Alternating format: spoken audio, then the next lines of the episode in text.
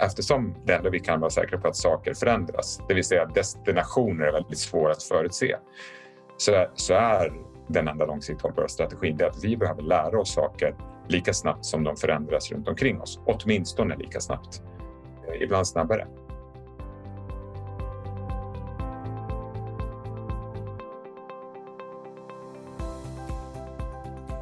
Då var det dags igen. Varmt välkomna. Det är dags för ett nytt avsnitt av Konkurrenskraft.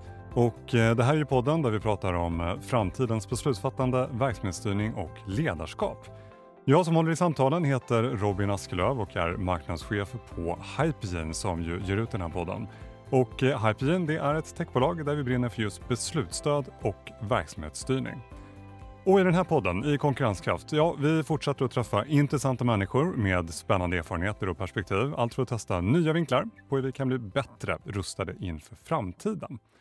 Den här gången ska vi gräva djupare i hur man hanterar förändringar, digitalisering och eh, betydelsen av det konstanta lärandet. Och det här ja, det är frågor jag själv tycker är jättespännande och jag blev därför jätteglad när dagens gäst tackade ja. Jag pratar om en eh, ledare med eh, bred erfarenhet från olika branscher och organisationer. Idag arbetar han som Head of Specialists på Google där han leder specialisterna inom digitalisering. Han är också investerare, rådgivare till eh, flertalet startups och så är han en väldigt populär föreläsare inom områden som livslångt lärande, innovation och förändringar och numera faktiskt också författare. Jag säger varmt välkommen till Johan Eriksson. Kul att ha dig här. Hur står det till? Tack! Nej, men jättebra. Det känns eh, kul att vara här och prata om de här ämnena som, som jag verkligen brinner för så mycket. Så att eh, sol ute, sol inne, sol i hjärta och sol i sinne. Ja, härligt! Eh, vi kör det här på, på länk. Vi pratade här lite innan och konstaterade att du varit hemma nu i eh, ett år. Hur känns det? Mm. Nej, men det känns eh, under omständigheterna bra ändå. Jag menar, man, man är lyckligt lottad som har ett jobb som kan göras på distans mm. till att börja med. Eh, och sen så har jag bra eh, rutiner i vardagen som hjälper mig att spendera min tid och energi som jag vill spendera den. Så mm. det fungerar väldigt bra tycker jag. Ja, men kul att höra. Och eh, när man läser på om dig, jag gick igenom några saker här mm. nu precis, men när man läser på om dig så återkommer begreppen entreprenör, investerare, författare och så chefsjobbet på Google på det. hur skulle du beskriva dig själv? Ja, precis. Skulle jag ha en titel på visitkortet skulle det kanske vara mångsysslare eh, i den bemärkelsen. Men, men lite grann beskriver jag mig själv som en mångsysslare som försöker göra samhället lite bättre på olika sätt. Mm. Eh, och det är det jag lägger min, min tid och energi på. Eh, jag har stor passion för att, att liksom vara lite tydliga med varför vi gör saker. På vilket sätt kommer den här produkten eller den här lösningen eller vad det må vara förbättra samhället på något sätt. Mm. Eh, för kan vi inte artikulera det så kanske vi behöver ställa oss frågan om vi ska göra det överhuvudtaget. Mm. Eh, så att en mångsysslare som på olika sätt via egna bolag, via min roll på Google, via mina böcker, mina föreläsningar, via några initiativ som jag har med offentlig sektor och så vidare, försöker förbättra samhället eh, mm. lite grann. Mm. Ja, det är hur jag skulle beskriva mig själv. Härlig beskrivning. Vi, vi kommer ju prata om många olika saker idag. Jag nämnde några av dem. Det kommer ju allt ifrån då, förhandling, digitalisering, eh, mm. lärande och så vidare. Eh, innan vi kommer igång, jag tänker, eh, det gör jag med alla gäster, ska värma upp lite. Några, mm. några bara snabba frågor som inte alls har med det att göra utan kanske kopplat till andra saker. Så eh, är du redo att köra igång? Yes. Ja, men superbra. Om vi börjar då, när har du som roligast på jobbet? Det har jag tveklöst när jag känner att det vi gör genuint har en positiv påverkan på människor och på samhället. Mm. Då, har jag, då skrattar jag. ja, vad härligt. Då, om vi tittar bakåt då. Vi har ett speciellt år bakom oss konstaterar vi oss. Eh, precis. Eh, vad är du mest stolt över under året som har gått? Ja, nej men stolt är ett förhållandevis svårt begrepp eh, kan jag tycka, men jag är väldigt glad över att eh, trots att vi har gått in ett år av pandemi så känner jag att jag har levt i linje med mina personliga värderingar varje mm. dag mm. Ehm, och eh, inte tummat på dem utan liksom fortsatt behålla den lärandetakt jag vill ha, den innovationstakt jag vill ha och så vidare. Och det känns, det känns bra. Och sen ska jag ta något lite mer personligt så ja, men jag har lagt lite extra tid på att försöka finnas där för olika människor. Mm. Um, när det gäller kollegor och familj och människor i samhället i stort. Mm. Och det tycker jag är väldigt kul. Mm, extra viktigt kanske under just det här året. Om mm. man tittar framåt då, det är en spännande fråga tycker jag, så tänker vi oss tre år fram i tiden. Vad, vad tror du att du är mest stolt över då? Med reservation för stolt som, som svårt begrepp. Då. Ja, precis. Nej, men jag hoppas att jag fortsätter stolt och glad över att jag fortsätter att leva i linje med mina värderingar. För det är ju liksom det som utgör vem jag är och, och vem jag vill vara varje mm. dag. Um, och uh, sen så hoppas jag att det har tagit sig uttryck också i olika typer av resultat. Um, ett stort projekt, för att nämna något liksom, mer konkret, det är att jag jobbar rätt hårt på att försöka utveckla ett vaccin mot mental ohälsa bland unga. Okay. Eh, där man istället för att, som vi gör eh, lite grann idag i samhället, vi, vi berättar inte om för unga hur de ska hantera mental ohälsa förrän de befinner sig på ett riktigt dåligt ställe. Mm. Då berättar vi.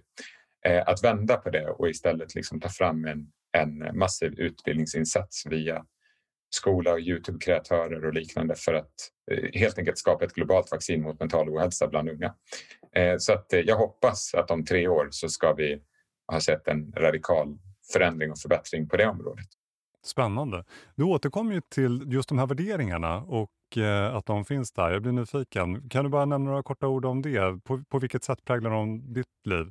Ja, men, jättebra fråga. De präglar mitt liv helt och hållet. Alltså, jag, eh, jag tror mycket mer på att leva sitt liv eh, utifrån riktning snarare än destination.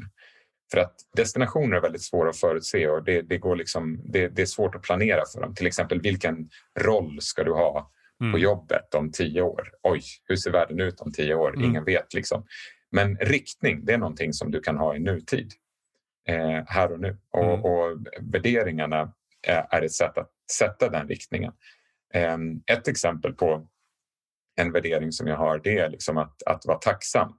Eh, det är en stark grundläggande värdering. Så varje morgon innan jag går upp från sängen så ligger jag kvar och sen så börjar dagen varje dag med att tänka bara på hur oerhört tacksam jag är att jag lever mm. och att allting annat ska ses som en oförtjänt bonus. Sen går jag upp, kramar mina tre barn, så är mina, min första bonus inom 60 sekunder från uppvaknandet och det mm. gör att min utmaning är oftast att jag kanske har lite för mycket positiv energi in i dagen. Men det ser jag fortfarande som ett lyxproblem som jag får hantera. Eh, men, men, men det är ett exempel på, på en värdering och hur den tar sig praktiskt uttryck i mitt liv. Och det du beskrev där tänker jag också kommer in någonstans på, på liksom bränslet också. Vad är det som driver den framåt? Låter det som mm. i alla fall. Mm. Ja, jättespännande. Jag har läst att din uh, utgångspunkt är att uh, det enda vi kan vara helt säkra på, det är att saker förändras. Och uh, att det gör att livslångt lärande och innovation är den enda långsiktigt hållbara strategin. Kan yes. du berätta lite mer om vad du menar med det? För det tycker jag låter jätteintressant. Ja, nej men, jättebra fråga. Eh, nej men det, det, är ju lite grann så att om du pratar med personer oavsett vilken kulturell bakgrund de har eh, eller eh, ålder eller liksom, eh, var i världen de bor någonstans och så vidare. Alla är ju någonstans överens om att saker förändras eh, hela tiden. Eh, och, och det kan man nästan säga lite lättvindigt. Så här, ja, det är klart jag är med på det. Det är nästan på gränsen till en simplistisk mm. fråga.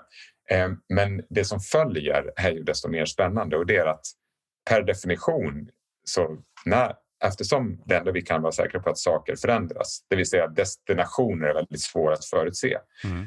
så, så är den enda långsiktigt hållbara strategin det att vi behöver lära oss saker lika snabbt som de förändras runt omkring oss. Åtminstone lika snabbt, mm. Eh, ibland snabbare. Eh, och sen omsätta det i liksom ständiga nya försök att göra saker på nya sätt. Innovation eller testa nya saker, kalla det vad man vill. Mm.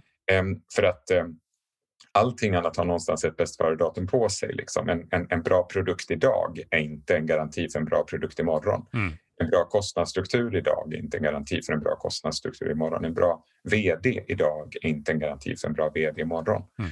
Utan det enda som vi har egentligen att investera i det är livslångt lärande och innovation. Och, och, och därför så, så, ställer jag ofta den frågan, liksom, vet du vad du ska lära dig nästa vecka? För vet du inte det, då lämnar du det livslånga lärandet till, till eh, slumpen snarare mm. än till design och det, det, är alldeles för viktigt för det. Mm.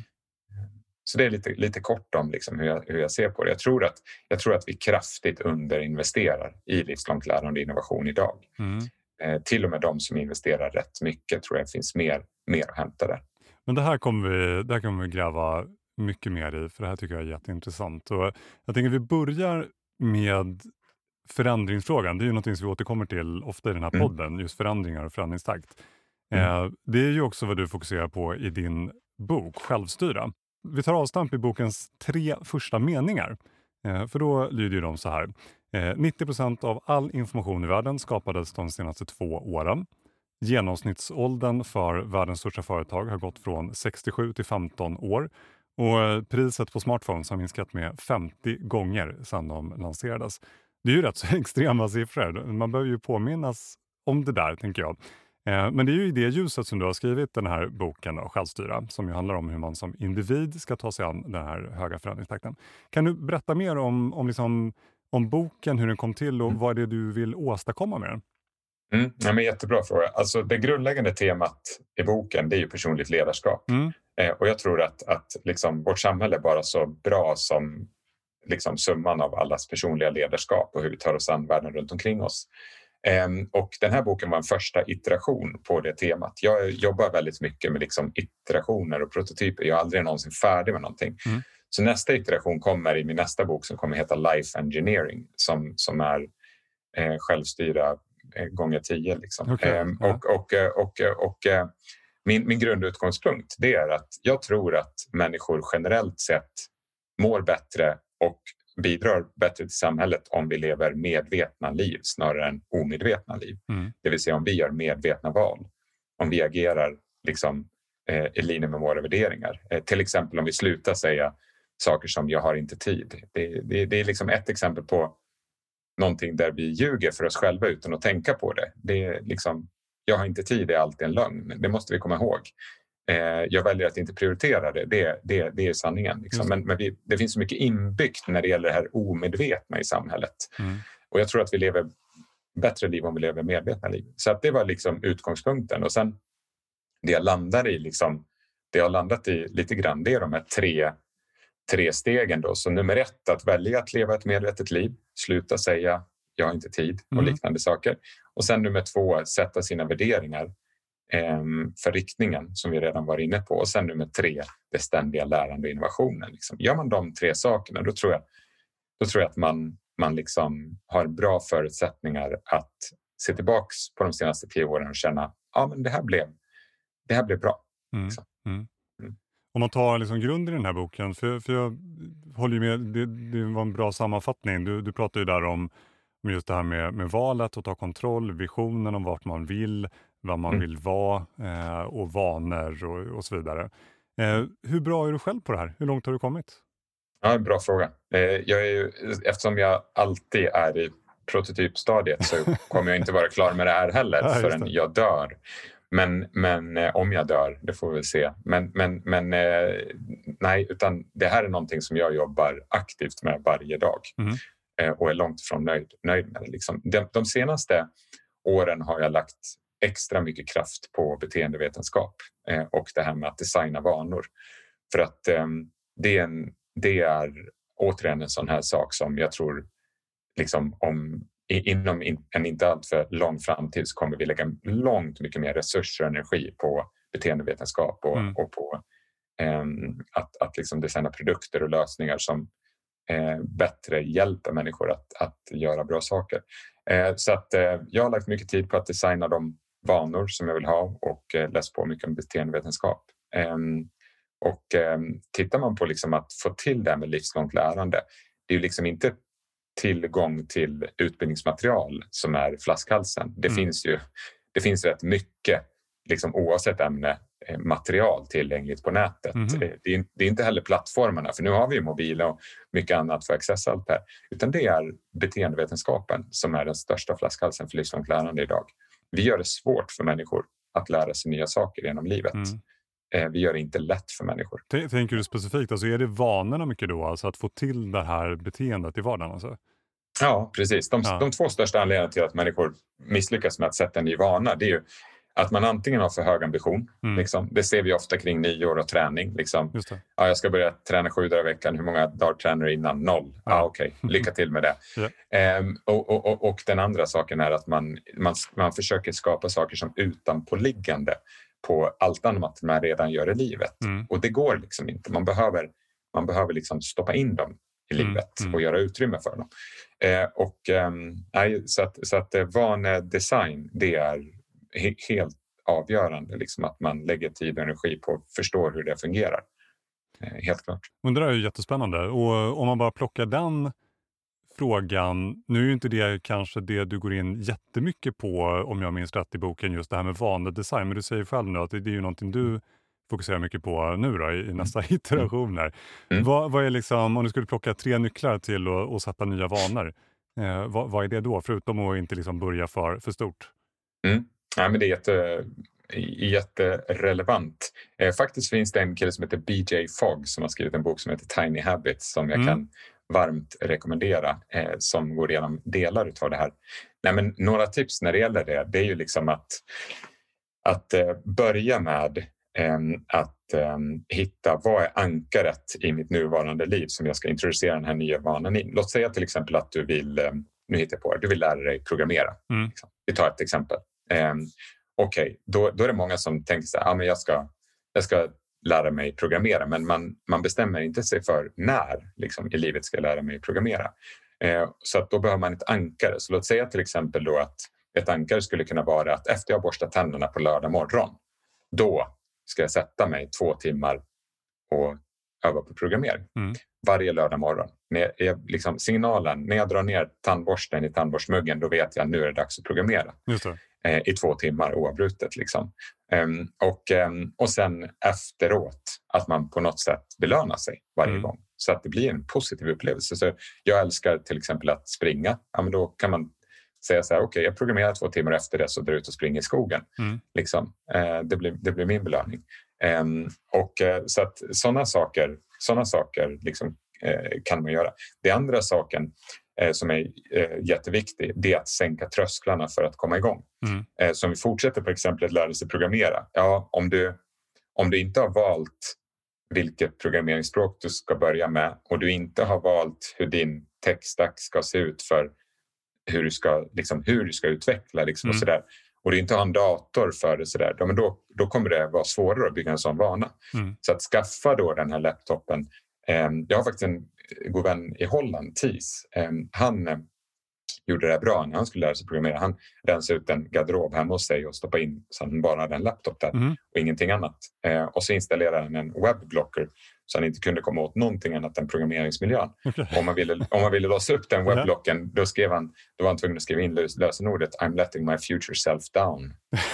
eh, och och det, det är bra för att vanebyggande handlar om att göra det lätt att göra de saker du vill göra och mm. göra det svårt att göra de andra sakerna.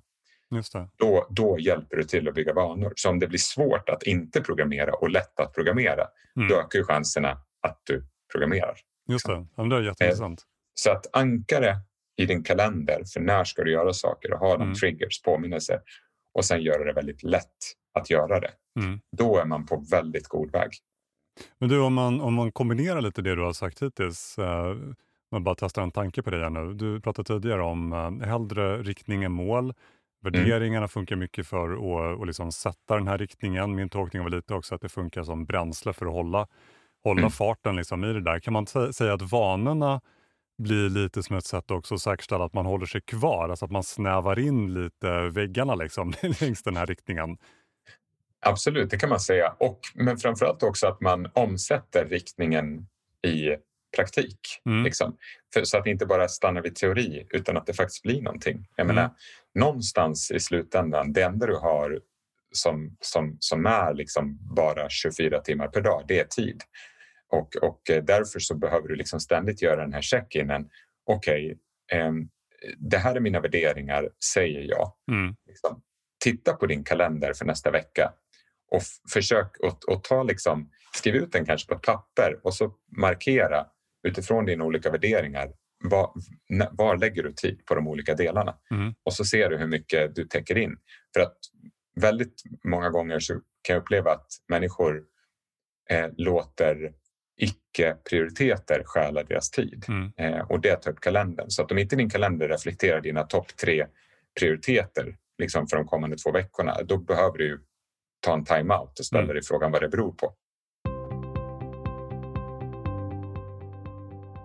Jag tänkte ska djupdyka i, i något som det, hela tiden kommer tillbaka till. här. Det är ju lärandet.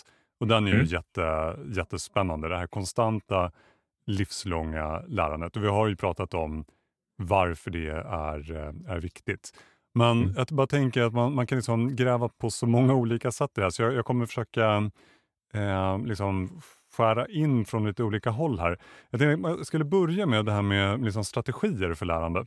Eh, Mm. För den tycker jag är spännande. Alltså man kan ju jobba med väldigt många olika typer av strategier. Man kan ju gå kurser, man kan läsa böcker, man kan ju börja träna på något eller så bara sitter man och reflekterar. Det kan ju också vara ett lärande.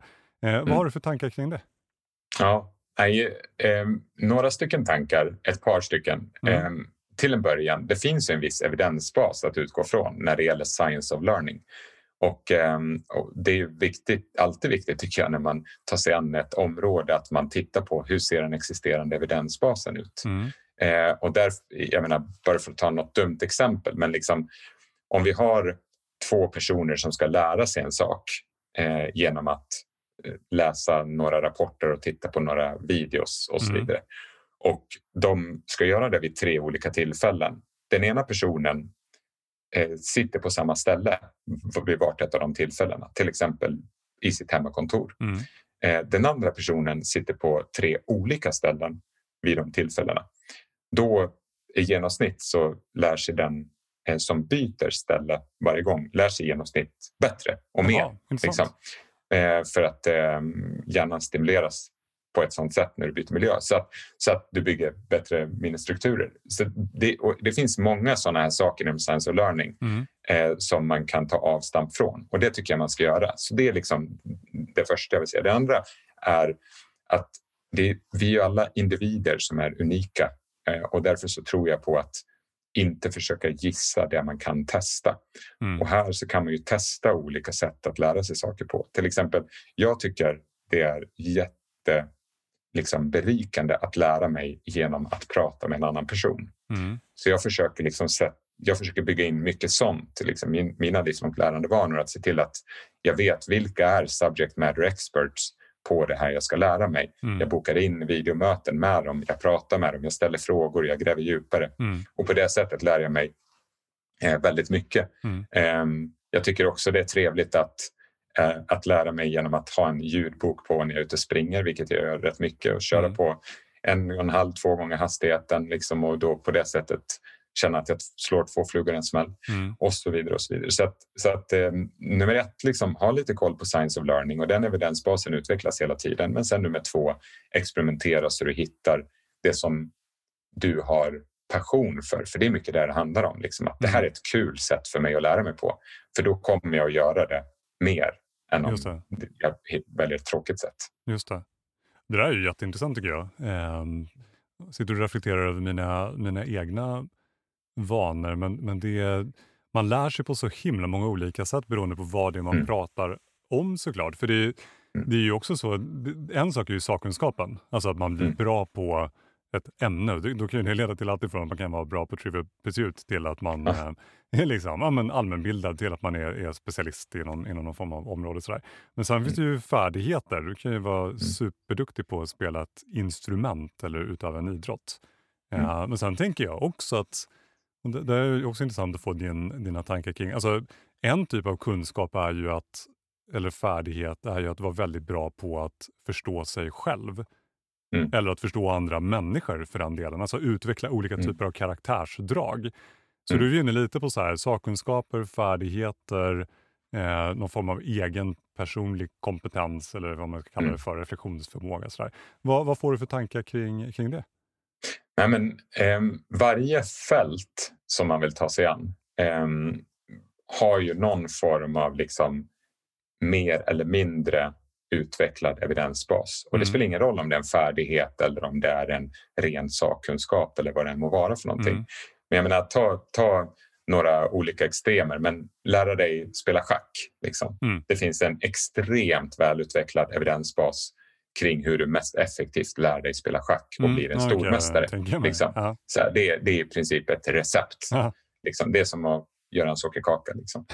Och eh, med schack och liknande, då, då finns det liksom så tydligt så här, så här går det tillväga. Medan om vi säger så här, att bli, att bli bra på att leda effektiva team. Mm.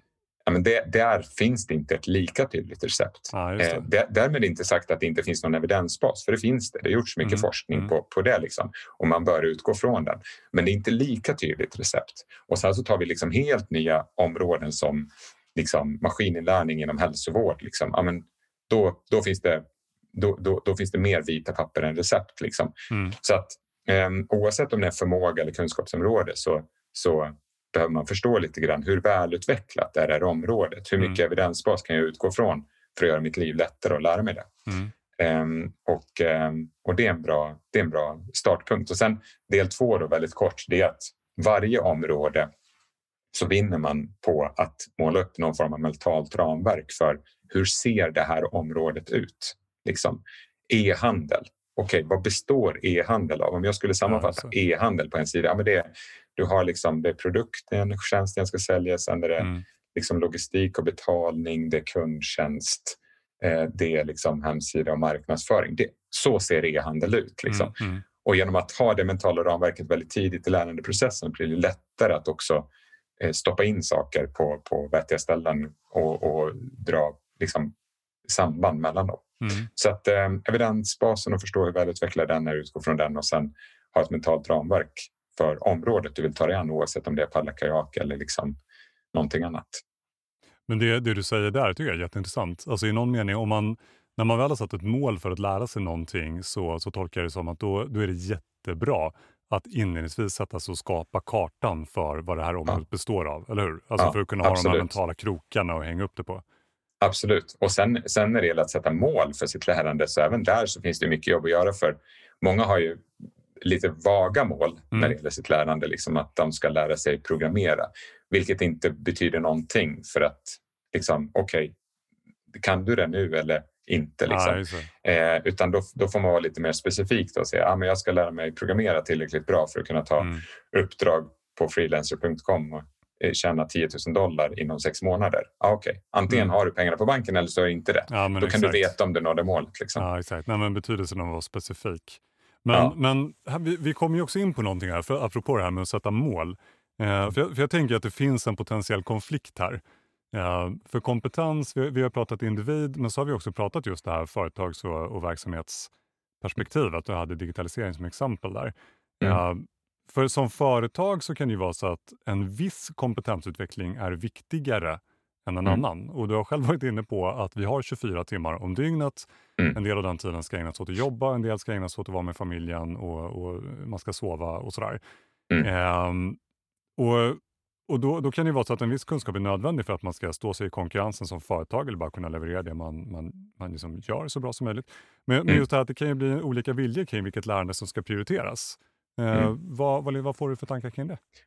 Ja, men, eh, jag tror att det belyser vikten av att vara tydlig med sina egna värderingar och ha en förståelse för företags värderingar. För att om man jobbar på ett företag där ens egna värderingar och företags värderingar är förenliga, Mm. då tror jag inte gapet kommer bli allt för stort mellan vad man själv vill lära sig och vad företaget tycker att du borde lära dig. Mm. Eh, utan det är snarare om du är på ett företag som, som springer åt alla håll samtidigt. Ja, då kan det bli konflikter om du är tydlig över dina värderingar. Eller vice versa, om du är på ett företag som har en tydlig riktning Mm. medan du är lite oklar över din riktning. Då kan det ju bli en, en, en, en, en, konflikt. Så jag skulle, om, om, du, om du och ditt företag har olika idéer om vad du borde lära dig, då ser jag det som att det, det du behöver ställa dig frågan, springer vi fortfarande åt samma håll? Mm. Och gör man inte det, då tycker jag man ska byta företag. Nej, jag har som min, min e-mail, min e-mail out of office säger ehm, jag hoppas där du är, eh, där du vill vara och gör det du vill göra. Om inte, ändra det. Mm. Ehm, och eh, jag tror att det är, det är passande för, för eh, den här kontexten. Nej, men det tycker jag är jättebra. Och det, det är ju som du är inne på, det är väl en jättebra indikator på om man är på rätt ställe överhuvudtaget. Om det är Absolut. så att ens egen önskan om kompetensutveckling är en annan Mm. än företaget. Ja, men nå- någonstans så säger det sannolikt ganska mycket. Men, eh, men det förutsätter ju också någon typ av motivation, alltså att man vill lära sig någonting. Mm. För att om man inte har motivationen, då blir lärandet garanterat svårare. Mm. Eh, vad, vad, säger du där? Vem, alltså, jag tänker på ansvarsfrågan där. Vilket ansvar har individen och vilket ansvar har företaget i liksom att, att, skapa den här motivationen? Eller skapa motivationen, det gör man ju till stor del själv. Men du förstår vad jag menar. Vem har ansvaret mm. för att det här mm. lärandet mm. händer? Mm. Nej, men sist och slutligen så har alltid individen ansvaret för att lärandet händer. Liksom, jag kommer inte att bädda in det på något annat sätt än så. Mm. Liksom att, att varje individ är ansvarig för sitt eget lärande och sitt eh, personliga lärande, sitt livslånga lärande och utveckling.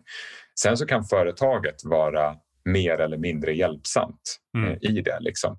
Eh, och jag tror att, att vi kommer se mer och mer att ska man attrahera och behålla liksom, bra folk, då kommer hur väl man ger dem möjlighet att lära sig saker att bli en större och större konkurrensfaktor. Mm.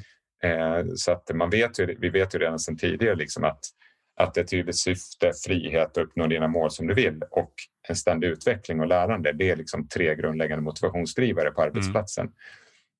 Så i den bemärkelsen, så snarare än ansvar så skulle jag säga intresse från företaget att mm. investera mycket i att ta, ta ansvar. Mm. Det borde ligga i varje företags intresse. Mm. Men ansvaret ligger slutligen på individen. Um, så det, vi får liksom akta oss så att det inte blir offermentaliteter. Liksom, mm. där att ja, men jag får ingen hjälp och så vidare. Nej, men, men det, det, är individens ansvar. Liksom. Mm.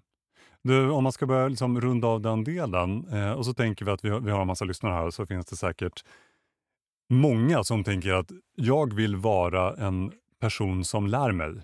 Alltså man, mm. man har den idén, jag vill vara en person som hela tiden lär mig nya saker men jag vet inte var jag ska börja. Vad, mm. vad hade du då skickat iväg för, för tips? Var ska man starta någonstans? Ja, alltså um, det är lite grann som när Alice i Underlandet kommer till kaninen och frågar, eh, eller katten är det va, eh, och frågar vilken väg ska jag ta? Mm, och eh, katten frågar, eh, vart är du på väg? Och då säger hon, jag vet inte. Nej, men då säger han, men då spelar det ingen roll vilken väg mm, du tar. Mm. Och jag tror liksom någonstans måste man börja med att ställa sig frågan, vad, var, var, är jag på väg i livet? Liksom? Det kan låta som en, en, en, nästan för stor fråga men liksom, man, man behöver vara ärlig med sig själv. Var, var är jag på väg? Vad vill jag? Mm. Liksom? Vill, jag vill jag bli egenföretagare inom offentlig sektor för att transformera utbildning och hälsovård eller vill jag liksom, var, vart är jag på väg? Liksom? Mm. Um, för att om du vet vart du är på väg uh, då blir det lite lättare att då titta på så här, hmm, utifrån det jag redan kan vad behöver jag komplementera med för någonting? Liksom? Mm. Eh, och sen kanske välja en eller två eh, stora saker där. Liksom. Eh, och sen efter det handlar det bara om att bygga de här vanorna. Mm. Liksom. Så att jag, jag hade sett det som en tvåstegsraket. Liksom att, att försök att identifiera någonting som du verkligen vill lära dig utifrån var du vill någonstans liksom, med mm. ditt liv. Mm. Och sen nummer två, Börja liksom, läs boken Tiny Habits av BJ Fogg. Mm. Börja, designa, börja designa en livslångt lärandebana i det lilla för, mm. för, för den saken du vill lära dig. Mm. Ett exempel, jag, jag, en av mina värderingar det är liksom att bidra till en samhällsförbättring och då, då ställer jag mig frågan direkt, så här, hur vet vi om samhället blir bättre eller inte?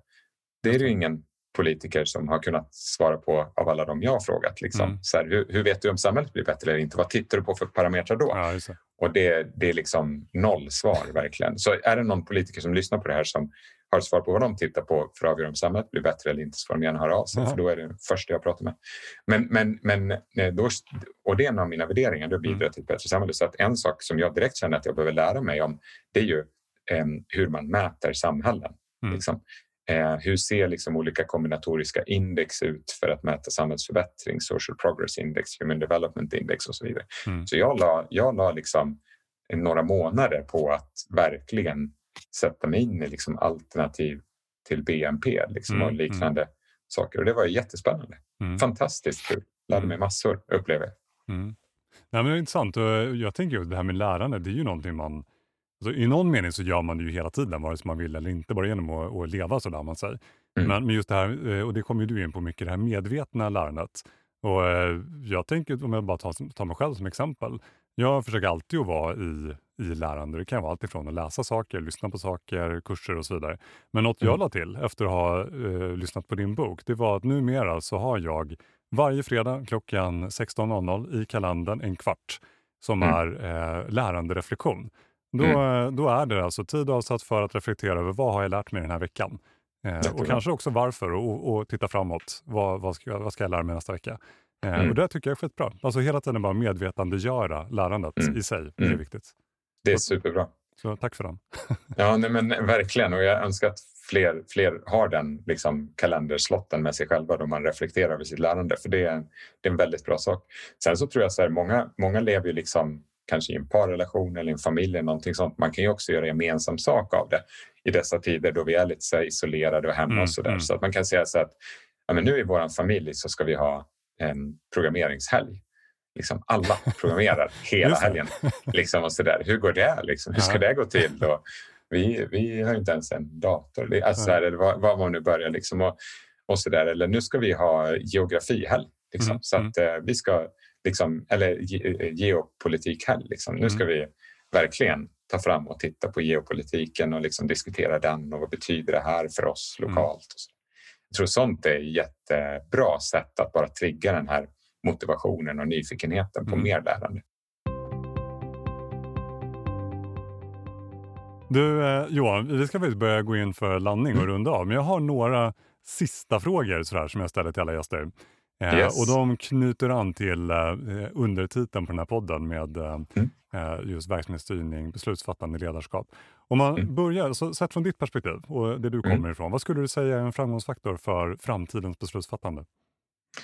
Framgångsfaktor för framtidens beslutsfattande, det tror jag liksom är att kombinera kraften hos maskiner med kraften hos människor. Mm. Eh, liksom, tittar man på, på eh, beslutsfattande och eh, man jämför hur en människa presterar med hur en maskin presterar eh, så är det alltid människa plus maskin som Mm. vinner mot människa eller maskin. Mm. Liksom. Så att, att, att ställa sig frågan, hmm, jag är röntgenläkare, liksom. tar jag kraften av maskininlärning eh, som kan läsa mer, mer liksom röntgenplåtar och lära sig från dem än vad en röntgenlärare kan under livstid. Mm. Tar jag avstamp från det beslutsstödet för att sen lägga på min liksom, eh, kvalitativa mänskliga tolkning på det här. Liksom. Då, det, det, så framtidens liksom, em, beslutsfattande tror jag mycket kommer handla om människa plus maskin Mm. liksom, eh, i ännu större utsträckning. Och eh, om man då tar den närliggande frågan kanske med verksamhetsstyrning och då tänker jag alltså Mm. planering, uppföljning, analys i, i företag. Mm. Nyckeln till, till framgångsrik verksamhetsstyrning, vad, vad ser du där? Ja, men, ehm, att, lite grann samma kombination för att någonstans ehm, verksamheter idag lätt faller i ett av två diken. Antingen så är man inte datadrivna Mm. eller så har man för mycket data. Ja, just det. Eh, De som inte är datadrivna, det är, då, då är det mycket prat i ledningsgruppen om vad tycker du och vad tror du? Liksom. Mm. Och sen så höftar man lite grann och, och, och, och så här. Och man vet ju liksom att, att har man åtminstone datagrunden att ta avstamp från så Mm. fattar man bättre beslut i verksamhetsstyrningen. Men sen den andra diket, det är ju det här när man har för mycket data. Man har liksom de här gigantiska dashboardsen med bara en massa siffror. Och det spelar ingen roll om siffrorna går upp eller ner för man gör samma sak ändå. För att man orkar liksom inte internalisera data. Så att jag tror liksom att framtidens verksamhetsstyrning det är lagom mycket eh, data eh, som stärker liksom verksamhetsstyrningen så att vi faktiskt agerar på den och att vi inte använder data som vi inte agerar på som princip. Mm. Ja, men bra. Och sista frågan då, då är lite mer Mm. mjukare perspektiv. Nyckeln till framtidens ledarskap? Ja, det här kommer ju efter det här samtalet kanske inte komma som någon chock eller kioskvältare, men, men liksom, nummer ett är tydligt syfte. Japp. Liksom, var, varför finns ni som verksamhet? Liksom, eh, finns ni som dagligvarukedja för att förbättra folkhälsan i Sverige? Om ja, liksom, vad, hur tar det sig uttryck? Liksom? Ehm, och sen nummer två, se till att alla lär sig mycket hela tiden. Liksom att alla anställda gör det inför lärandetimmar, precis som friskvårdstimmar, liksom, rakt av. Nummer tre, innovera. Eh, vi var inne på det. Ha Mm. en tydlig idé om hur du eh, scoutar, pilotar och skalar innovation. Och sen sist men inte minst, bry dig om människorna du jobbar med. Liksom. Och det, var, det finns en läk, läkare, gammal läkare som eh, sa det en gång. Eh, The secret about caring for patients is caring for patients. Mm. Och jag menar, det, att vara ledare, det, är inte allt, det, det måste inte vara svårare än så. Liksom. Men på riktigt, bry dig om människorna runt omkring dig, dina medarbetare. Liksom. Ställ dig frågan, vem kämpar nog lite mer än oss andra nu med att mm, jobba hemifrån? Mm. Ja, men visst ja, den här eh, personen har precis fått ett barn och bor i en etta liksom, mm, och, mm. och, och, och, och klättrar förmodligen på väggarna liksom, och så vidare. Men sträck ut en hand, hjälp till, liksom, bry dig om. Så att, eh, eh, jag, jag, jag, jag, tror det finns en sån här Facebookgrupp som heter What do you need help with today buddy? Mm. Jag tror vi behöver liksom lite mer av den mentaliteten för framtidens ledarskap också. Mm. Ja, men härlig avslutning och vi har hunnit med mycket i det här samtalet. Vi har pratat förändring, digitalisering, det livslånga lärandet. Så att, eh, Johan, eh, många bra tankar. Jättekul att ha dig med. Stort tack! Stort tack själv! Och alla ni som lyssnar, innan ni tar av er hörlurarna. Eh, jag brukar ju alltid försöka tipsa om bra läsning som har med avsnittet att göra. Nu han ju i och för sig Johan eh, före mig här, för jag tänkte ju faktiskt tipsa om precis den här boken som han tog upp, eh, som heter Peak eh, med undertiteln Vetenskapen om att bli bättre på nästan allt. Sanningen bakom 10 000 timmars regeln. Och det är alltså skriven av den här K. Anders Eriksson eh, och Robert Poole. Och eh, Eriksson, en del av er känner kanske till honom, det är den här USA-baserade psykologiprofessorn eh, vars forskning populariserades eh, av den här bästsäljande författaren Malcolm Gladwell som många känner till när han skrev om 10 000 timmars regeln i boken Outliers. Och eh, i den här boken som jag tipsar om nu, då, Peak, då förklarar Eriksson vad som är rätt och fel med Gladwells tolkning. Så att den kan jag verkligen rekommendera. Det kan uppenbarligen även Johan göra. Eh, dessutom så tycker jag som vanligt att du ska gå in på hypegen.se. För där hittar du allt ifrån white papers-rapporter till webinars och föreläsningar och eh, allt kretsar kring beslutsstöd och verksamhetsstyrning som är det vi jobbar med.